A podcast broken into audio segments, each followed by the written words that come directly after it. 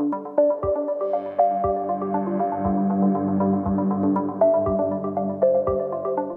by Hoe verklaar jy dit? Wetenskapwaardighede oor die natuur en die wetenskap. Jy vra die vraag en ons span beantwoord dit. My naam is Lise Swart en ons paneelkenners vandag is herpetoloog professor Lefras Meton, entomoloog professor Henk Geertsma en teoretiese fisikus professor Hendrik Geier.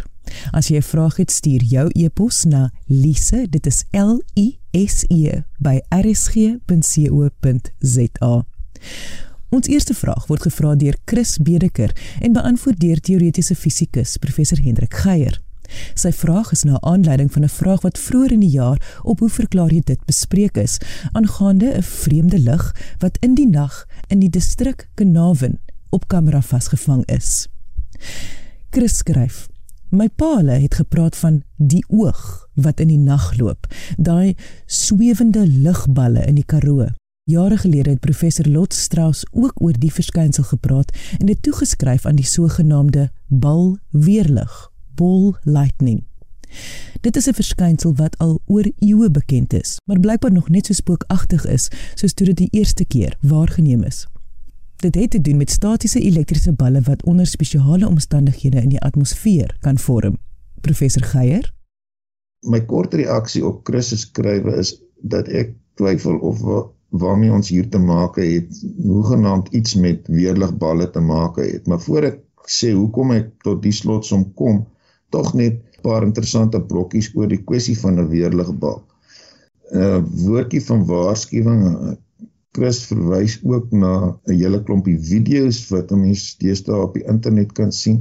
Nou baie van hulle is al kategories uitgewys as maaksels en dit is deesdae baie moeilik om deur net na so 'n video te kyk te besluit of dit werklik iets is wat afgeneem is. En dit lyk vir my uh, die meeste van die goed wat deesdae as video's gewys word het inderdaad uh, maar 'n bietjie van 'n aan mekaar geplakte karakter wat 'n mens nie veel op kan pyl trek nie.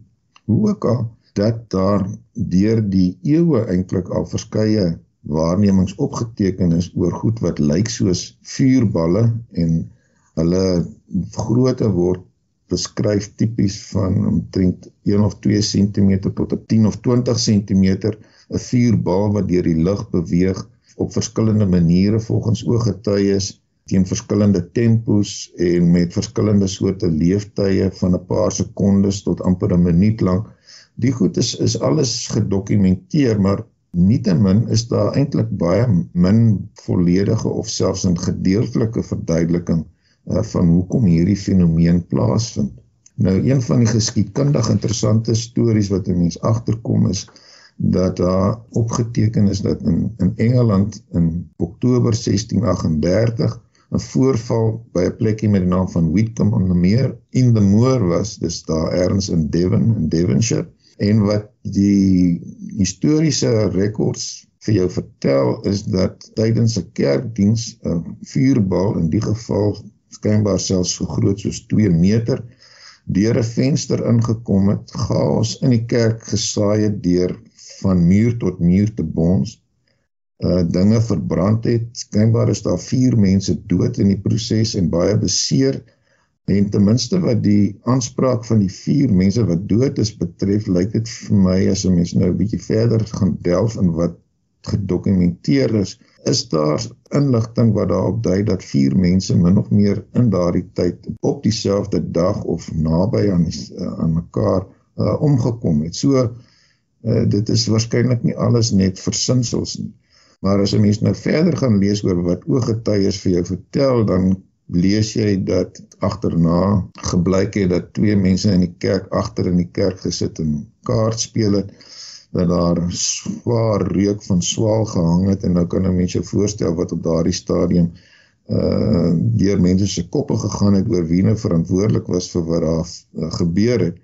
En hierdie storie het nou nog allerlei ander sterte gekry soos van die kroegvrou op die dorpie wat beduie het dat vroeër die oggend uh, iemand met 'n swaar swart jas by haar opgedaag het om iets te bestel en dat sy feitelik seker was dat sy twee bokkerige pote onder sien uitsteek het.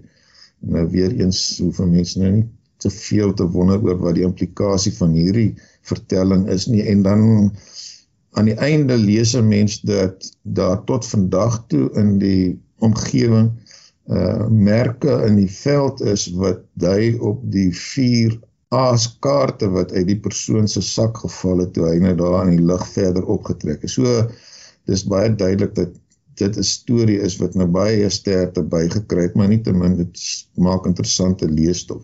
Maar om terug te kom tot pogings om te verstaan wat wat 'n weerlig bal is, kan ek net sê dat die ten spyte van van baie teorieë wat voorgehou is uit 'n fisika oogpunt nie oninteressant nie dat heelwat hiervan te maak het met die konsep van 'n soliton.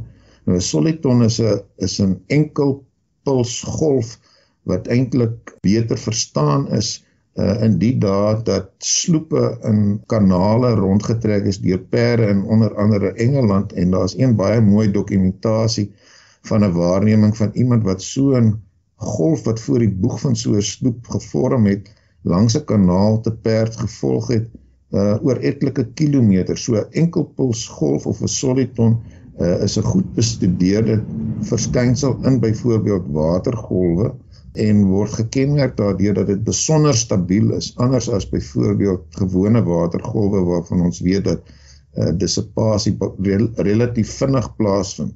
So die gedagte dat ons hier te maak het met 'n verskynsel wat 'n langdurige golfverskynsel is en nou is daar natuurlik allerlei uh, bespiegeling oor wat nou hierdie hierdie stabiele golf verskynsel sou kon vorm. Nietemin die slotsom is niemand weet op die oomblik presies wat onderliggend is aan die verskynsel van 'n weerligbal nie.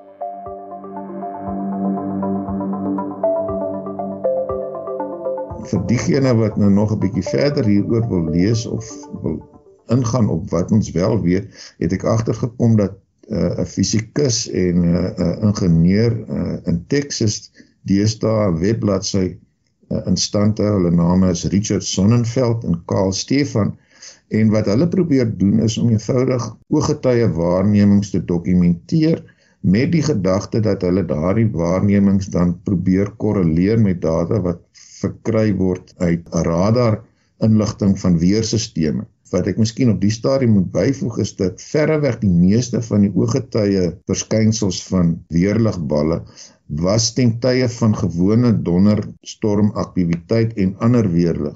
So op hierdie manier probeer hulle nou uh 'n bietjie nader kom aan 'n korrelasie maak tussen die verskynsel en ander inligting wat uh, gelyklopend uh, beskikbaar is. Nou, hoekom dink ek is is dit uiteindelik ook nie die antwoord vir wat Leon hulle daar sê nie wel die inligting wat beskikbaar is oor weerligballe dui daarop dat dit nie iets is wat noodwendig herhalend op dieselfde plek voorkom nie. En in elk geval is die lewe van hierdie goed hoogstens van die orde van uh, lyk my omtrent 'n minuut as dit so lank is, meestal sekondes lank. En wat Leon hulle vir ons laat weet het is dat hulle ligte sien wat in 'n pad afkom en dan later weer verskyn en die fotos wat hy gestuur het is ook oor 'n redelike tydperk geneem. So ek twyfel of ons hier te maak het met 'n weerligpaal, maar ek sal nie sê dit is volledig uitgesluit met wat ons reeds weet nie. Ons het net eenvoudig te min inligting soos die mense wat probeer agterkom wat onderliggend is aan die verskynsel van 'n weerlige bal. So soos hulle in Engels sê, watch the space. Ek hoop ons gaan nog interessant hieroor verder gesels.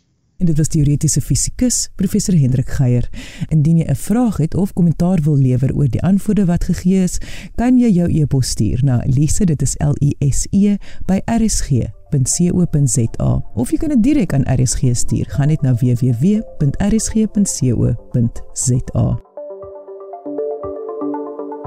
Ons kitsvraag van die week gaan beantwoord word deur herpetoloog professor Lefras Meton. Jaco Burger skryf: Ek het 'n storie gehoor, waar of wol haar storie, van boere wat in hul bakkies gery het met die bestuurder se venster afgerol en hul arms op die vensterraam. En dan oor 'n swart mamba gery het en die slang opgeslaan het en die boer op die arm gepik het. Alles so in die ry. My vraag is, as jy oor die slang ry, is hy hele rug nie dan vergruis nie? Sou die slang dan nie onmiddellik verlam of dood gewees het nie. Hoe kan 'n verlamde dooie slang nog sy bek oopmaak en nog byt? En is 'n swart mamba se reaksie dan so vinnig? Professor Meton Die bekende slangkenner Johan Maree beskryf die swart mamba as 'n wakker en onvoorspelbare slang wat as gevolg van sy dodelike gif as die mees gevreesde slang in Suid-Afrika beskou word. Dit is ook ons grootste giftige slang met gemiddelde volwasse lengte van 2.4 tot 3 meter, maar daar is al slange van oor die 4 meter lank aangeteken. Dit is 'n dagaktiewe slang en lê nie sy prooi voor nie, maar beweeg rond op soek na sy kos. Dit beweeg gemaklik met tot 'n derde van die liggaam van die grond af gelig sy reputasie as 'n uiters aggressiewe slang. Uh volgens Johannes dit grootliks oordryf. Hy verkies altyd om te vlug, maar as hy vasgekeer word, kan hy egter baie gevaarlik wees. Die gif is 'n senuweegif en die slagoffer ontwikkel vinnig asemnood uh, wat sonder hulp tot die dood sal lei. Volgens Johan is dit 'n wolla storie dat die pofadder en by implikasie dan ook enige ander slang soos die swart mamba byvoorbeeld agteroor kan byt. Die giftande sit in die bokaak en die slang sal moet omdraai om te kan byt. Nou kom ons by 'n baie interessante stukkie inligting wat menige luisteraar seker regop sal laat sit.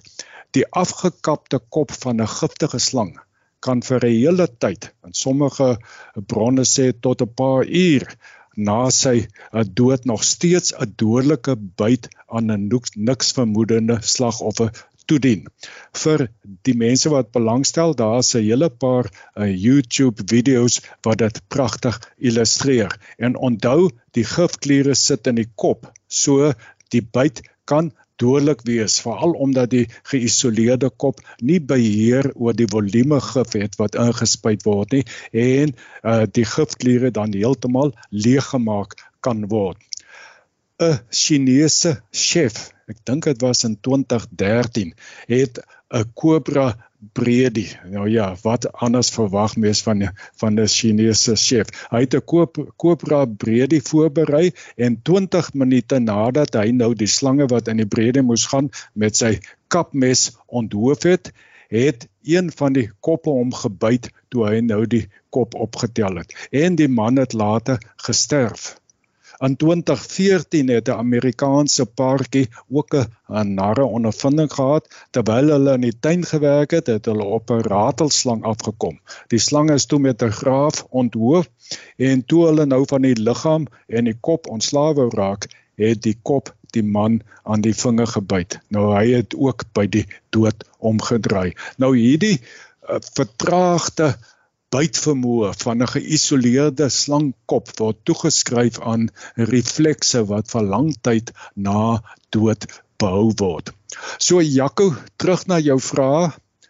Uh as die regter voorwiel van 'n bakkie wat stadig beweeg, let wel stadig beweeg oor die agterste helfte van 'n groot slang 'n lang swart mamba sou ry, sou die voorste helfte van die slang moontlik wel blitsnel kan omdraai, let wel nie agteroorslaan nie, maar omdraai en dan nou byt. Beskadiging van die rugstring verder na agter op sy liggaam deur die bakkie se wiel sal nie hierdie reaksie van die slang beïnvloed nie. Die vraag is, hoe sal die slang nou weet wat of waar om te byt? 'n Mens sal dink dat hy eerder vir die bakkie sal gaan en nie die boer se arm nie as die bakkie nou vinnig sou ry, ai konna, dan dink ek dan is sal dit nou maar net 'n volla storie wees. Dit was herpetoloog professor Lefras Meton. Ons laaste vraag kom van Wendy Steenkamp en gaan beantwoord word deur entomoloog professor Henk Geertsma.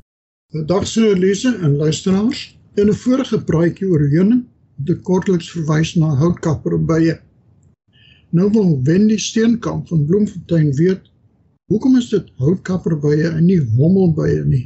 Nou in die algemeen word na mannetjie heuningbye as hommels verwys. Hulle dus geen verband met hommelbye as sulks nie. Hommelbye kom net in die noordelike halfrond voor, terwyl houtkapperbye in die suidelike halfrond voorkom. Alhoewel beide groepe eners lyk, verskil hulle in hulle onderskeie lewenswyse. Hommelbye maak meestal 'n nes in die grond, terwyl ons houtkapperbye nes maak in droë, dooie houtstompe, verkieslik in sagte hout, maar kan ook in harde hout hulle tonnelneste maak. Ek het 'n voorbeeld van houtkapperbye wat in 'n ou Jara spoorweg dwarsleer 'n nes gemaak het of dit geknaag het. Nou die hout van Jara is natuurlik uh, Eucalyptus marginata, 'n bloekom. Is een van die hardste bloekom soorte bekend en word algemeen gebruik as spoorweg dwarsleers. Hommelbye, ons 14 verskillende soorte is algemeen in Europa en natuurlik Noord-Amerika en dele van Asië. Hommelbye het, soos alle bye, 'n sosiale lewenswyse. Hulle kan egter nie voor die winter voldoende voedsel bymekaar maak nie en dan sterf alle werkers, mannetjies en die ou koningin in die herfs. So dis net die jong bevrugte wyfies wat teen die einde van die somer verskyn en hulle stig nuwe neste of kolonies in die lente. Die jong koningin hommelbye verskyn uit die ou nes en is honger en verswak na die lang oorwinteringsperiode. Vir dae aan een besoek sy blomme om nektar en stuifmeel te bekom en om haarself op te warm. Eers dan sal sy begin soek na 'n geskikte nesplek. Die nesstruktuur is nie soos die van heuningbye of houtkapperbye nie en is maar redelik eenvoudig en wissel van soort tot soort hommelby. Sommige soorte bou 'n nes in lae plante groei in dikwels naby mensbewoonde gebiede. Ander soorte weer maak 'n nes in die grond en vorm kolonies in of ou moltunnels en soortgelyke strukture of vorm hulle neste selfs tot 'n meter diep in die grond. In die begin is die nes klein, maar word met tyd vergroot om tot meer as 500 potjievormige selle, elkeen ongeveer 'n halwe sentimeter in deursnit, te bevat. In Europa is daar ook 'n klein groepie hommelbye wat nie self 'n nes bou nie, maar wat hulle eiers in die nes van ander soorte lê wat dan hulle ontwikkeling daar voltooi. So dis 'n soort van 'n koekoek hom by. Die jong koningin gaan eiers lê in die potjies, versamel nou nektar en stuifmeel as voedsel vir die larwes en bêre dit in die genoemde waspotjies. Wanneer die eiertjies uitbroei, is daar voldoende voedsel vir die vinnig groeiende larwes beskikbaar en verskyn die werkers. Ook die werkers is kleiner as normaal en voet op 'n honingpotjie naby die nes ingebou en gevul deur die koningin om aan te sterk en begin dan met hulle taak om voedsel vir die kolonie te versamel. Die koningin by verlaat nou nie die nes nie en sy lê net eiers. Die mannetjies verskyn eers later in die herfs om met die jong koninginne te paar en sterf dan. Die hommelbye is uitstekende bestuivers van 'n groot verskeidenheid van blomme en een werker hommelby doen die werk van 50 heuningbye. Boonop is hulle aktief besig met nektar en stuifmeelversameling van dou voordag tot donker en werk selfs op reënerige dae en kan tot 4 tot 500 blomme per dag besoek. Verder het hulle 'n unieke manier van stuifmeelversameling deur 'n tipe vlerkbeweging wat 'n trilling veroorsaak wat die stuifmeel as 'n ware losskud. As gevolg hiervan word hulle in glashuis of kweektonnels gebruik, veral by die bestuiving van komkommer en tomaties. In die tonnels word kunsmatige neste met 'n jong koningin daarin geplaas wat dan die werkers produseer en met die bestuiving help. Die kolonie bly dus tot die tonnel beperk en benodig geen kontak met die buitewêreld nie Verder is hulle ook nie mensaggressief soos heuningbye nie, maar wel anders om hulle te beskerm. Nou vier soorte hommelbye is in die 1880s na Nieu-Seeland uitgevoer vir die bestuiving van veral klawe en vir gebruik in tonnelkwekery. Hulle is baie goed aangepas by die Nieu-Seelandse klimaat en die vier uitheemse insekte word so waarlik beskerm. 'n Verder interessante sterkie is wat van die hommelbye weer na Engeland ingevoer is om die plaaslike Engelse bevolkings van die hommelbye aan te vul. In die begin van 2000 is daar pogings onderneem om van die hommelbye vir bestuiving van glas of kweekhuise of tonnels na Suid-Afrika in te voer. Die plaaslike natuurbewaringsinstansies het egter die invoer van die bye belet, veral omdat ons nie weet wat die uitwerking van hommelbye wat moontlik kan ontsnap uit die tonnels op die plaaslike bye bevolkings kan hê nie.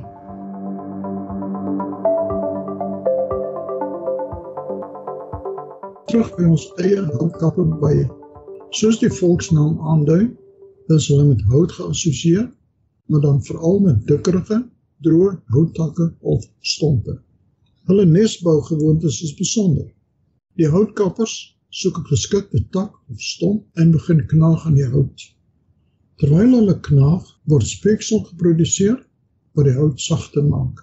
Met die inboor of invreet word saagsel gevorm wanneer die bye op 'n versamelplek gebeere word vir later gebruik. Afhangende van die lengte van die tak word 'n tonnel van wisselende lengte in die hout geboor en die dikte van die tonnel is sodanig om beweging van die knaande bye in en uit die tonnel toe te laat. Aanvanklik word die ingang loodreg ingeboor, aan die ander woorde horisontaal, maar na 'n kort afsinkie word die tonnel in die lengte saam met die tak se vorm vertikaal geboor. Soms word op die punt van hierdie uh, gat 'n uitgangsgat gevorm. Die wyfie houtkapper by begin nou om die sogenaamde selle in die tonnel te vorm. Aanvanklik word die selle gevorm aan die hand van 'n sirkelvormige raam wat 'n individuele sel markeer. 'n Eiertjie word in die onderste sel gelê en dan word die sel gevul met 'n mengsel van stuifmeel en heuning en verseël deur van die saagsel te meng met speeksel om die sel af te sluit. Nou word 'n tweede sel gevorm. Die proses sal aan tot naby die tonnel uitgaan. Die eiertjies broei uit en voed die larwetjies op die voedsel in die sel, verpop in die sel en wag vir uitkomskans. Dit is die wonderlike van die eierstorie. Die eiertjie wat eers gelê word, aan die ander woorde wat heel onder in die tonnel is, broei die laaste uit terwyl die eiertjie wat naby die tonnelopening is, die vinnigste uitbroei. Ons ken almal die storie van die wat eerste staan se laaste kom. Wanneer die jong houtkapper by dan die sel naaste aan die ingang verlaat, word 'n pad geskep vir die opvolgende bewoner van 'n sel omdat die onderliggende sel word oopgevreet. Jong bye verlaat die nes en volg hulle eie lewenspad. Houtkapper bye besoek ook blomme en is goeie bestuivers. Die werkerbye sit ook 'n angel sonder weerhakies en vra vir my kan nogal seer steek. Normaalweg is hulle goeie bestuivers en die vraag is dan hoekom kan ons nie gebruik vir kommersiële doeleindes nie? In die eerste plek is die aantal werkers in 'n enkele nes of tonnel te min om werklike indruk te maak in 'n kweektonnel. Hulle wil ook trillingbestuiving toepas. In die geval van hommelbye kan die kolonie uit tot meer as 400 werke bye bestaan, wat almal na die nes terugkeer, belaai met nektar of stuifmeel. Houtkapperbye wat die nes verlaat, kom nie terug na die nes nie. Ook is houtkapperbye kieskeurig wat hulle nesgewoons betref. Verder is daar 'n teenkanting van natuurbewaring agentskappe om inheemse insekte vir die doel aan te wend. Dankie Wendy vir jou vraag. Ek hoop die lang relaas was duidelik en informatief. En dit was entomoloog professor Henk Geertsma. Indien jy vrae het, stuur jou e-pos na lise, dit is L I S E by rsg.co.za. Onthou jy mag onder 'n skuilnaam skryf of vra om anoniem te bly. Ek sê baie dankie aan ons kenners, herpetoloog professor Lefras Meton, entomoloog professor Henk Geertsma en teoretiese fisikus professor Hendrik Geier en ek sê ook dankie aan ons vraagstellers vandag. Onthou om altyd nuuskierig te bly en vra te vra. Tot volgende week hier op RSG saam met my, Lise Swart. Totsiens.